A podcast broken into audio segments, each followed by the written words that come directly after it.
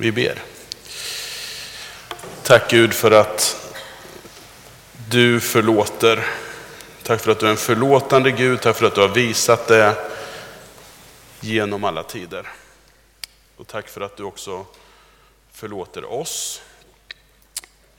Nu ber jag dig Gud att du ska tala till oss på olika sätt. Utifrån den situation som vi alla står i så ber jag dig att du ska tala till oss på det sätt vi behöver idag. Amen.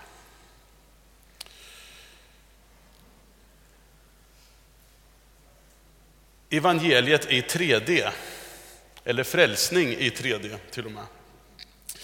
Eh, det drar ihop sig till påsk. Eh, och påsken, det känner de flesta till, är ju den är ju den högtid då vi firar de händelser som mer än någonting annat egentligen ligger till grund för vår frälsning. Vi firar Jesu död och Jesu uppståndelse. Och varför just de här händelserna är så centrala och viktiga är ju helt omöjligt att egentligen sätta ord på. Det är svårt att greppa det. Vad är det egentligen för räddning och frälsning, befrielse som Gud erbjuder oss? Och, hur, och vad har Jesu död och uppståndelse med det där att göra? Det är en oerhört komplex sak att försöka sätta ord på. Men egentligen så är det ju så att Guds frälsning handlar ju ytterst sett om hela världen universum, skapelsen. Gud vill upprätta sin skapelse igen. Ofta när vi pratar om, om frälsning så pratar vi väldigt mycket om min frälsning, alltså människans frälsning. Eh, men som vi har sett under ett antal predikoserier här de sista åren så, så, behöver vi ha det här perspektivet att Gud vill rädda den här världen. Gud vill ha Gud innefattar hela skapelsen. Men i den här predikoserien så ska vi faktiskt ge oss in i vad innebär Guds frälsning för mig och för dig individuellt. Vad innebär det för oss människor? Och under den här rubriken då frälsning i 3D så kommer vi belysa tre dimensioner av Guds frälsning. Och som utgångspunkt så kommer vi alltså röra oss med tre grundläggande existentiella problem som vi människor brottas med, mer eller mindre. Och då är det så här att beroende på vilken kultur vi tillhör, eller vilka vi är som individer, så har vi våra tyngdpunkter lite olika i relation till de här tre existentiella problemen. Vi ska börja med att gå till första Mosebok 3, där Bibelns berättelse redan i inledning inledningen visar på de här problemen som en konsekvens av att människan vänder sig bort från Gud. Och Det här berättas på det sättet att människan äter av en frukt som Gud har sagt, den här frukten får ni inte äta av. Och så, så beskrivs det som händer på det här sättet.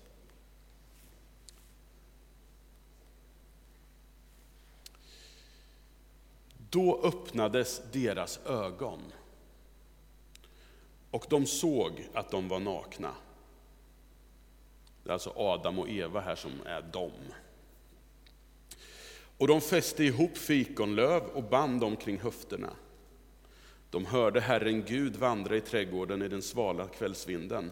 Då gömde sig mannen och kvinnan bland träden för Herren Gud. Men Herren ropade på mannen, Var är du? Han svarade, jag hörde dig komma i trädgården och blev rädd eftersom jag är naken och så gömde jag mig. Herren Gud sa, vem har talat om för dig att du är naken? Har du ätit av trädet som jag förbjöd dig att äta av? Mannen svarade, kvinnan som du har ställt vid min sida, hon gav mig av trädet och jag åt. Då sa Herren Gud till kvinnan, vad är det du har gjort? Vad är det människan har gjort? Det är Guds fråga. I den här korta passagen så introduceras tre nya saker i mänskligt liv som inte var Guds tanke från början.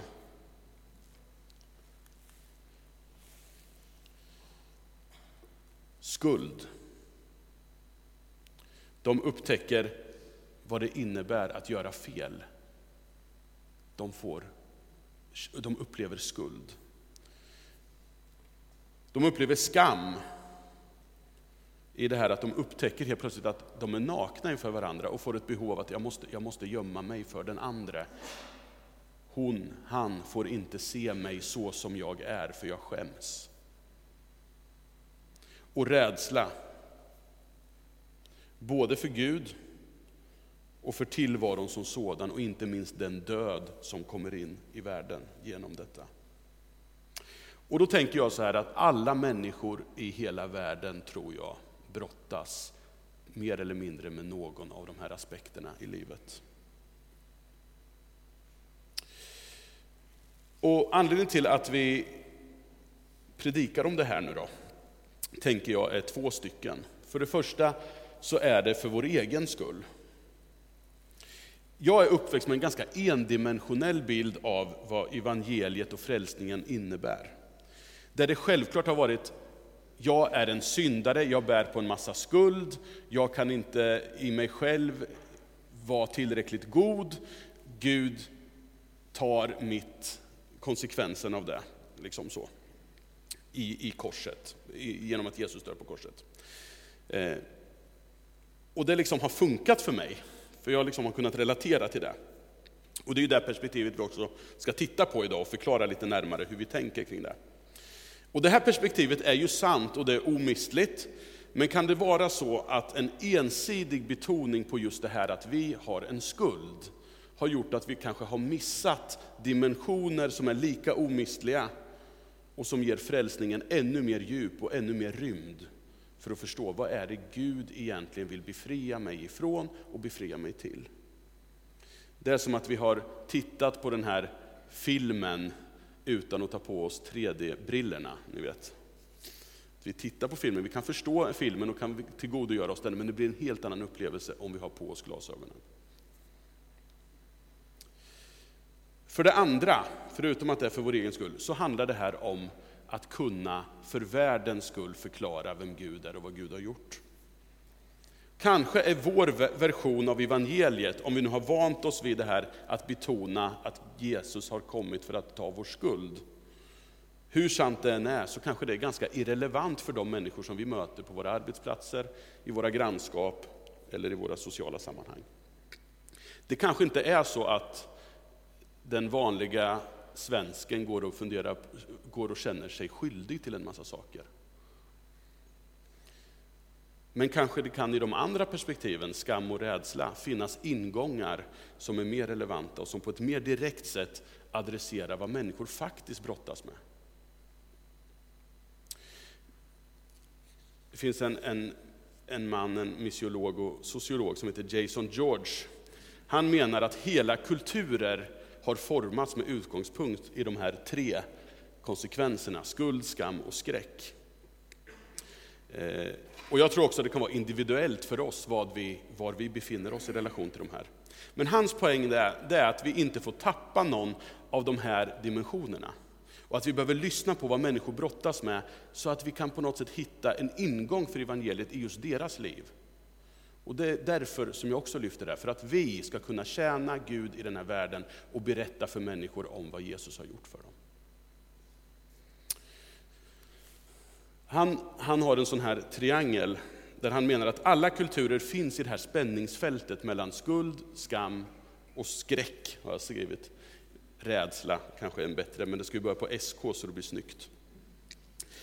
Eh, och, någon sa, och då ser man liksom hur, hur han då tänker att Amerika till exempel befinner sig längs den här skuld-skam-axeln. Eh, en New York-bo skulle han placera kanske åt skuldhållet och en lantis i Amerika kanske befinner sig mer åt skamhållet. Eh, så. Och I Sverige så sägs det att vi, har, vi håller på att röra oss från att ha varit en skuldkultur under många århundraden till att gå mer mot att vara en skamkultur. Men det här är ju inte, liksom, man är inte antingen eller, utan man befinner sig i det här spänningsfältet. Och vad de här kulturerna innebär och hur, hur det här ser ut, det är det vi ska titta på de här tre, tre eh, söndagarna som vi ska titta på just den här frälsning i tredje. Då. Och jag har tagit fram en liten matris här. Det här är lite mer föreläsning än predikan känns det som. Där, där, vi, där vi ska titta på och fylla i en rad då varje, varje gång. Eh, där vi beskriver då, Eh, när vi pratar om skuld, så ska vi titta på hur ser en typisk kultur ut där man brottas med sånt. Vad är kruxet för människor som brottas med skuld? Alltså vad är problemet? Vad är det de vill bli befriade från? Och korset, vad, vad, vad har evangeliet för konsekvens? På vilket, vilket sätt berättar vi om evangeliet för människor som brottas med skuld? Och konsekvensen av vad evangeliet gör med oss, hur vi borde leva utifrån det. Så det är de fyra punkterna idag kan man säga. Kultur, krux, kors och konsekvens. Så. Eh, I, I en kultur baserad på skuld, om vi ska börja titta på den kulturen då, så, så ligger ofta fokus på människans handlingar. Det är väldigt viktigt vad människor gör. Regler och lagar betonas. Gör jag rätt så är jag oskyldig och gör jag fel så är jag skyldig. Väldigt mycket fokus på hur jag beter mig, vad jag gör. Och I de här kulturerna så är människor ofta i stort sett ganska överens om vad som är rätt och fel. Och man förväntas ha införlivat detta i sitt rättsmedvetande och i sitt individuella samvete. Så det finns en ganska konsensus kring det här är fel och det här är rätt. Eh, I, I en sån här kultur så är integritet det finaste en, en, en, en fin människa gör det rätta även om ingen ser. Det, då är man en god människa. Samhället i stort sätter stor tilltro till individer, att de av sig själva följer sitt samvete och agerar rätt. Om någon gör fel så åberopas rättvisan och man har en stor tilltro ofta till de institutioner som samhället har byggt upp för att rättvisa ska kunna skipas. Då. Felaktiga handlingar kan ofta sonas med någon sorts försonande handling och det finns i regel en stark tilltro till de här institutionerna som har stor legitimitet. Betoningen på handlingar det gör att en människas identitet i mångt och mycket är kopplad till vad, vad den personen gör. Vad jobbar du med? Det, det är så man presenterar varandra i en sån här kultur. Jag är pastor, eller jag är civilingenjör, eller jag är det ena eller det andra. Och betoningen på handlingar det gör att människans identitet också kopplas från det som skiljer mig från en grupp, inte från den, utifrån den grupp jag tillhör, som det kanske är i andra kulturer. Utan det som skiljer mig från, från gruppen, det är så man berättar om sig själv, inte det som förenar mig med en grupp. Och det, och det här är ju typiskt individualistiska kulturer med tyngdpunkten i det som vi kallar väst. I Europa och Nordamerika så har man, är det traditionellt den här kulturen som, som man finner den i. Då. Och behöver jag hjälp i en sån här kultur så är inte grannen den första jag ringer till, eller släktingen, utan jag ringer till staten eller det offentliga som ska lösa, lösa, lösa problemet åt mig. Så, så, ser, så ser en, en typisk kultur, så här skuld, en, en, den här kulturen ut där, där människor brottas med skuld. Och kruxet för människor som formas i en sån här kultur blir lätt en känsla av att inte räcka till. Oförmågan att göra det rätta, även om man tror sig veta vad som är rätt, det gör att människor ofta kommer i kontakt med den här skuldbrottningen. Eh, individualistisk kultur gör också att problemet förstås individualistiskt i relation ofta till en högre ordning. Den ständiga känslan av dåligt samvete, av att jag har gjort fel, jag behöver förlåtelse. Och sen det otillräckliga i ens ansträngningar att göra rätt. Många kanske aldrig kommer till den här brottningen riktigt, men för de som kommer i den här existentiella krisen så blir det här ett jättestort problem. Och det var ju det här som hände i Sverige på 1800-talet, med den stora väckelsen och även de här väckelserna som har varit i frikyrkans historia, så är det ju någonting som har väckts i människor att jag räcker inte till, jag måste få nåd någonstans ifrån. Och då kan man ju då fråga sig vad evangeliet enligt Bibeln har att säga till den som brottas då med skuld. Martin Luther var ju en sån person som brottades med, med en oerhörd skuld. Trots hans liv i kloster och hans sätt att försöka leva rättfärdigt så kände han att jag har så dåligt samvete, mina goda gärningar räcker inte till. Så han ställde sig inför frågan, hur kan jag finna en nådefull Gud? Och så började han läsa särskilt Romarbrevet i sin jakt på det här. På sinnesro och samvetsro. Och inför en rättfärdig Gud så kände han sig skyldig och han kände sig förtjänt av en fällande dom och ett straff. Bibeln talar om att Adam och Eva, på grund av att man bröt mot Guds vilja, fick lida konsekvensen av att bli utestängda från den här trädgården, Edens trädgård, som, där det var så fantastiskt. Där fick man inte längre vara därför att man hade gjort en överträdelse mot vad Gud hade sagt då. Döden kommer in i världen som en konsekvens då, eftersom de inte längre har tillgång till livets träd som gav evigt liv. Men Gud söker, ser vi då sen genom den bibliska berättelsen, mänskligheten genom att välja ett folk och uppenbara sin rättfärdiga och goda vilja genom lagen. Men genom lagen så blir det här folket, Israels folk i Gamla Testamentet, blir inte så mycket en, ett tecken på Guds goda vilja egentligen, eller på hur det goda livet ska se ut, utan mer ett tecken och en illustration på mänsklighetens stora problem det här som Luther upplevde. Hur mycket man än vill så går det inte att genom egna ansträngningar leva upp till den här rättfärdiga standarden som uttrycks i lagen. Genom det här folkets historia ser vi att vid sidan av lagens bud så gavs föreskrifter om hur man skulle hantera då den här synden och skulden genom att offra felfria djur. Och på det sättet så, så blev det också en bild på den förfärliga konsekvensen av synd. Lammets blod ströks också på, på dörrposterna i Egypten under den första judiska påsken för att skydda från dödsängen som visar på syndens allvar. Liksom så. Död.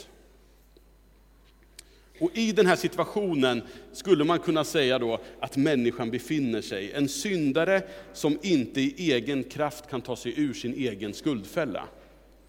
Och att tro sig kunna göra det, det är lika befängt som att tro att man kan lyfta sig själv i håret. Liksom, det går inte. Och Paulus han konstaterar ju ganska krasst i Romarbrevet när han sätter diagnosen, så säger han så här att alla har syndat och gått miste om härligheten från Gud. Syndens lön är döden. Och så säger han också, det goda som jag vill, det gör jag inte. Men det onda som jag inte vill, det gör jag. Han befinner sig i den här vedervärdiga kampen. Och han upplever att han är en syndare. Och eftersom vi alla är syndare så är det ju inte konstigt om vi brottas med den här frågan om skuld.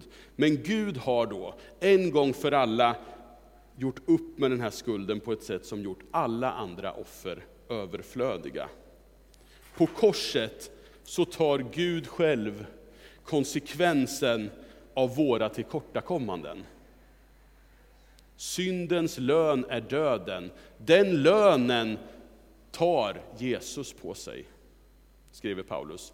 Men Guds gåva är evigt liv i Kristus Jesus, vår Herre. Och i Kolosserbrevet som Ola och Basna läste i inledningen, så skriver ju Paulus om korset som platsen där Gud tar itu med den här skulden. Ni som var döda genom era överträdelser, här ser ni den här bilden av man har trätt över en moralisk gräns. Och ert oomskurna tillstånd, er har Gud gjort levande tillsammans med Kristus i och med att han förlät oss alla våra överträdelser och drog ett streck över det skuldebrev som belastade oss med lagens krav. Han har utplånat det genom att spika det på korset. Så att när den enda syndfria människa som någonsin levt dog, så blev det ett slutgiltigt försoningsoffer som på något sätt gjorde alla offer överflödiga. Jesus tar så att säga straffet i, vår, i vårt ställe. Vi blir förlåtna. Och utifrån skuldperspektivet då, så blir den dominerande bilden för korset och frälsningen, dels så blir det en parallell till syndoffren i Gamla Testamentet, men också till en domstol. Där Gud som rättfärdig laggivare, Gud ger en lag som människan inte klarar av. Gud är också domaren som ska döma efter den här lagen. Men så tar också Gud själv på sig då det straff då som, som den här domaren då utmäter. Bibeln alltså erbjuder ett språk för människor som brottas med skuld. Så att de som brottas med skuld ska kunna känna att ja, men det, jag behöver inte längre sona mina synder, utan det finns någon annan som har gjort det. Brottas man med skuld så har man ju ett behov av att jag måste sona det här. Och då erbjuder Gud i Jesus och de bibliska texterna ett språk för det, genom att säga att Gud har liksom tagit straffet som ett syndoffer på korset. Vår synd förs utifrån det här perspektivet och över på Jesus, som därmed tar konsekvensen. Och hans rättfärdighet förs över på människan. Och det är det som Luther, när han upptäcker det här, så kallar han det, det här är ju det saliga bytet. Vilket byte! Jag blir av med skiten och så får jag glädjen, ungefär. Uppståndelsen ses då som en sorts bekräftelse på att det här bytet har skett. Men betoningen ligger på att Jesus har dött för min skull. Det blir det viktiga för en person som har skuld. Nu blir det alltså ingen fällande dom. Har vi det här juridiska språket igen. För de som tillhör Kristus Jesus. Ty den andliga lag som gäller för livet i Kristus Jesus har gjort mig fri från syndens och dödens lag.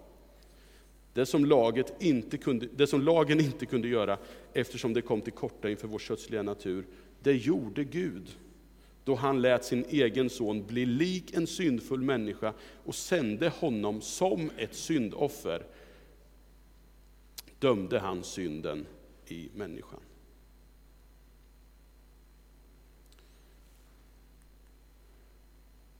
Så korset blir på något sätt en sorts uppgörelse, en domstolssituation, där Gud, laggivaren, domaren, också tar straffet.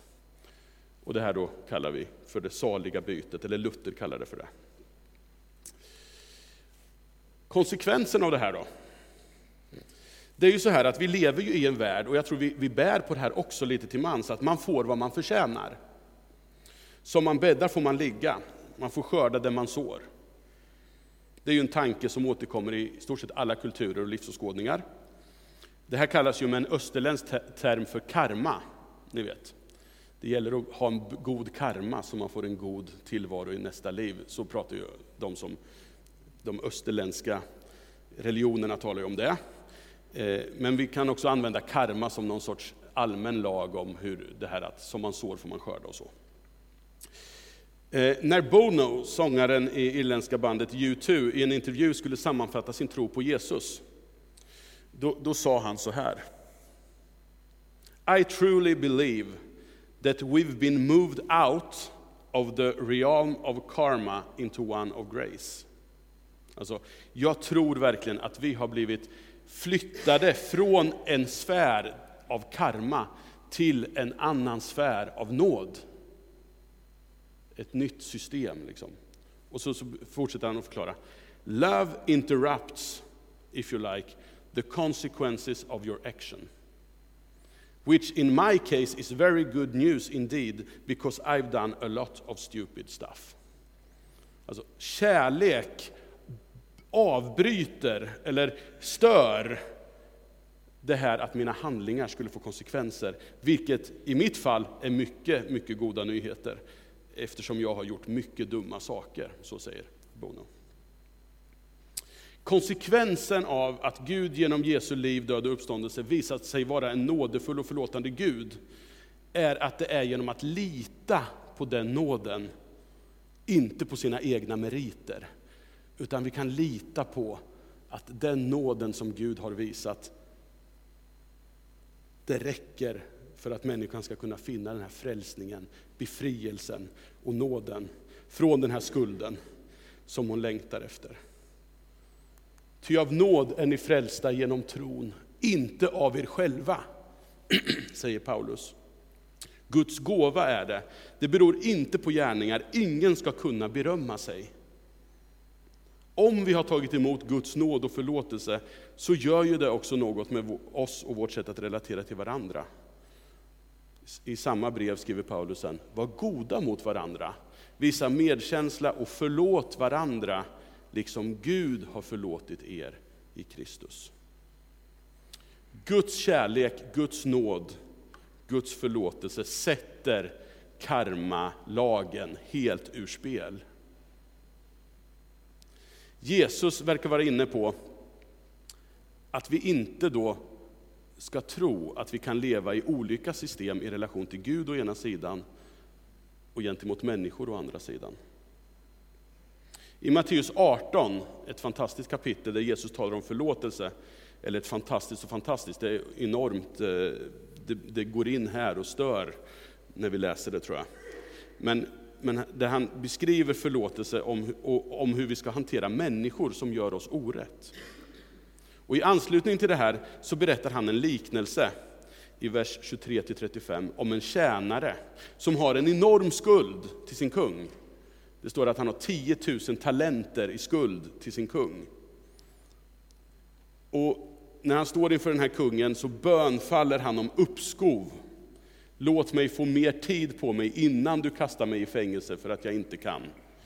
Och då fylls den här kungen av medlidande och efterskänker hela tjänarens skuld. Lättad, frälst, befriad går den här tjänaren på väg hem sen.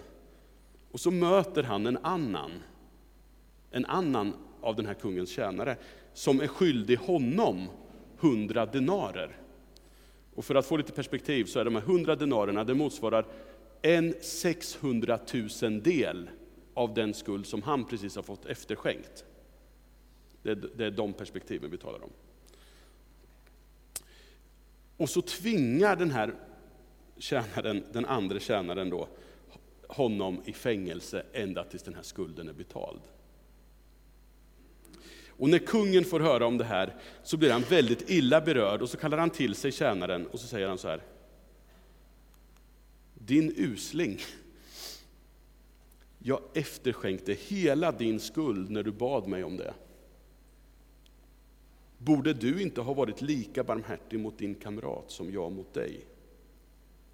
Och i sin vrede lät hans herre bödelsträngarna ta hand om honom tills hela skulden var betald.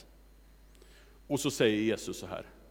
Så ska min himmelske fader göra med var och en som inte med uppriktigt hjärta förlåter sin broder. Den här tjänaren tänkte sig att gentemot kungen så kan jag lita på nåden, men gentemot mina, med, mina medtjänare, där gäller karma. Men då säger Jesus, den funkar inte.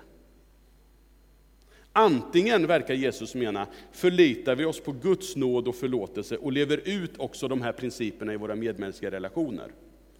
Eller så kräver vi alltid i våra medmänskliga relationer rättvisa, min egen sak. Men då kan vi heller kanske inte riktigt räkna med Guds förlåtelse. Det är det som antyds här av Jesus. I den bön som Jesus själv lär oss att be så hänger ju Guds förlåtelse också intimt samman med vår egen vilja att förlåta. Förlåt oss våra skulder. Och det är det här som är så fantastiskt, att det, det vill ju Gud göra. Gud förlåter när vi ber honom om det. Men liksom vi har förlåtit dem som står i skuld till oss.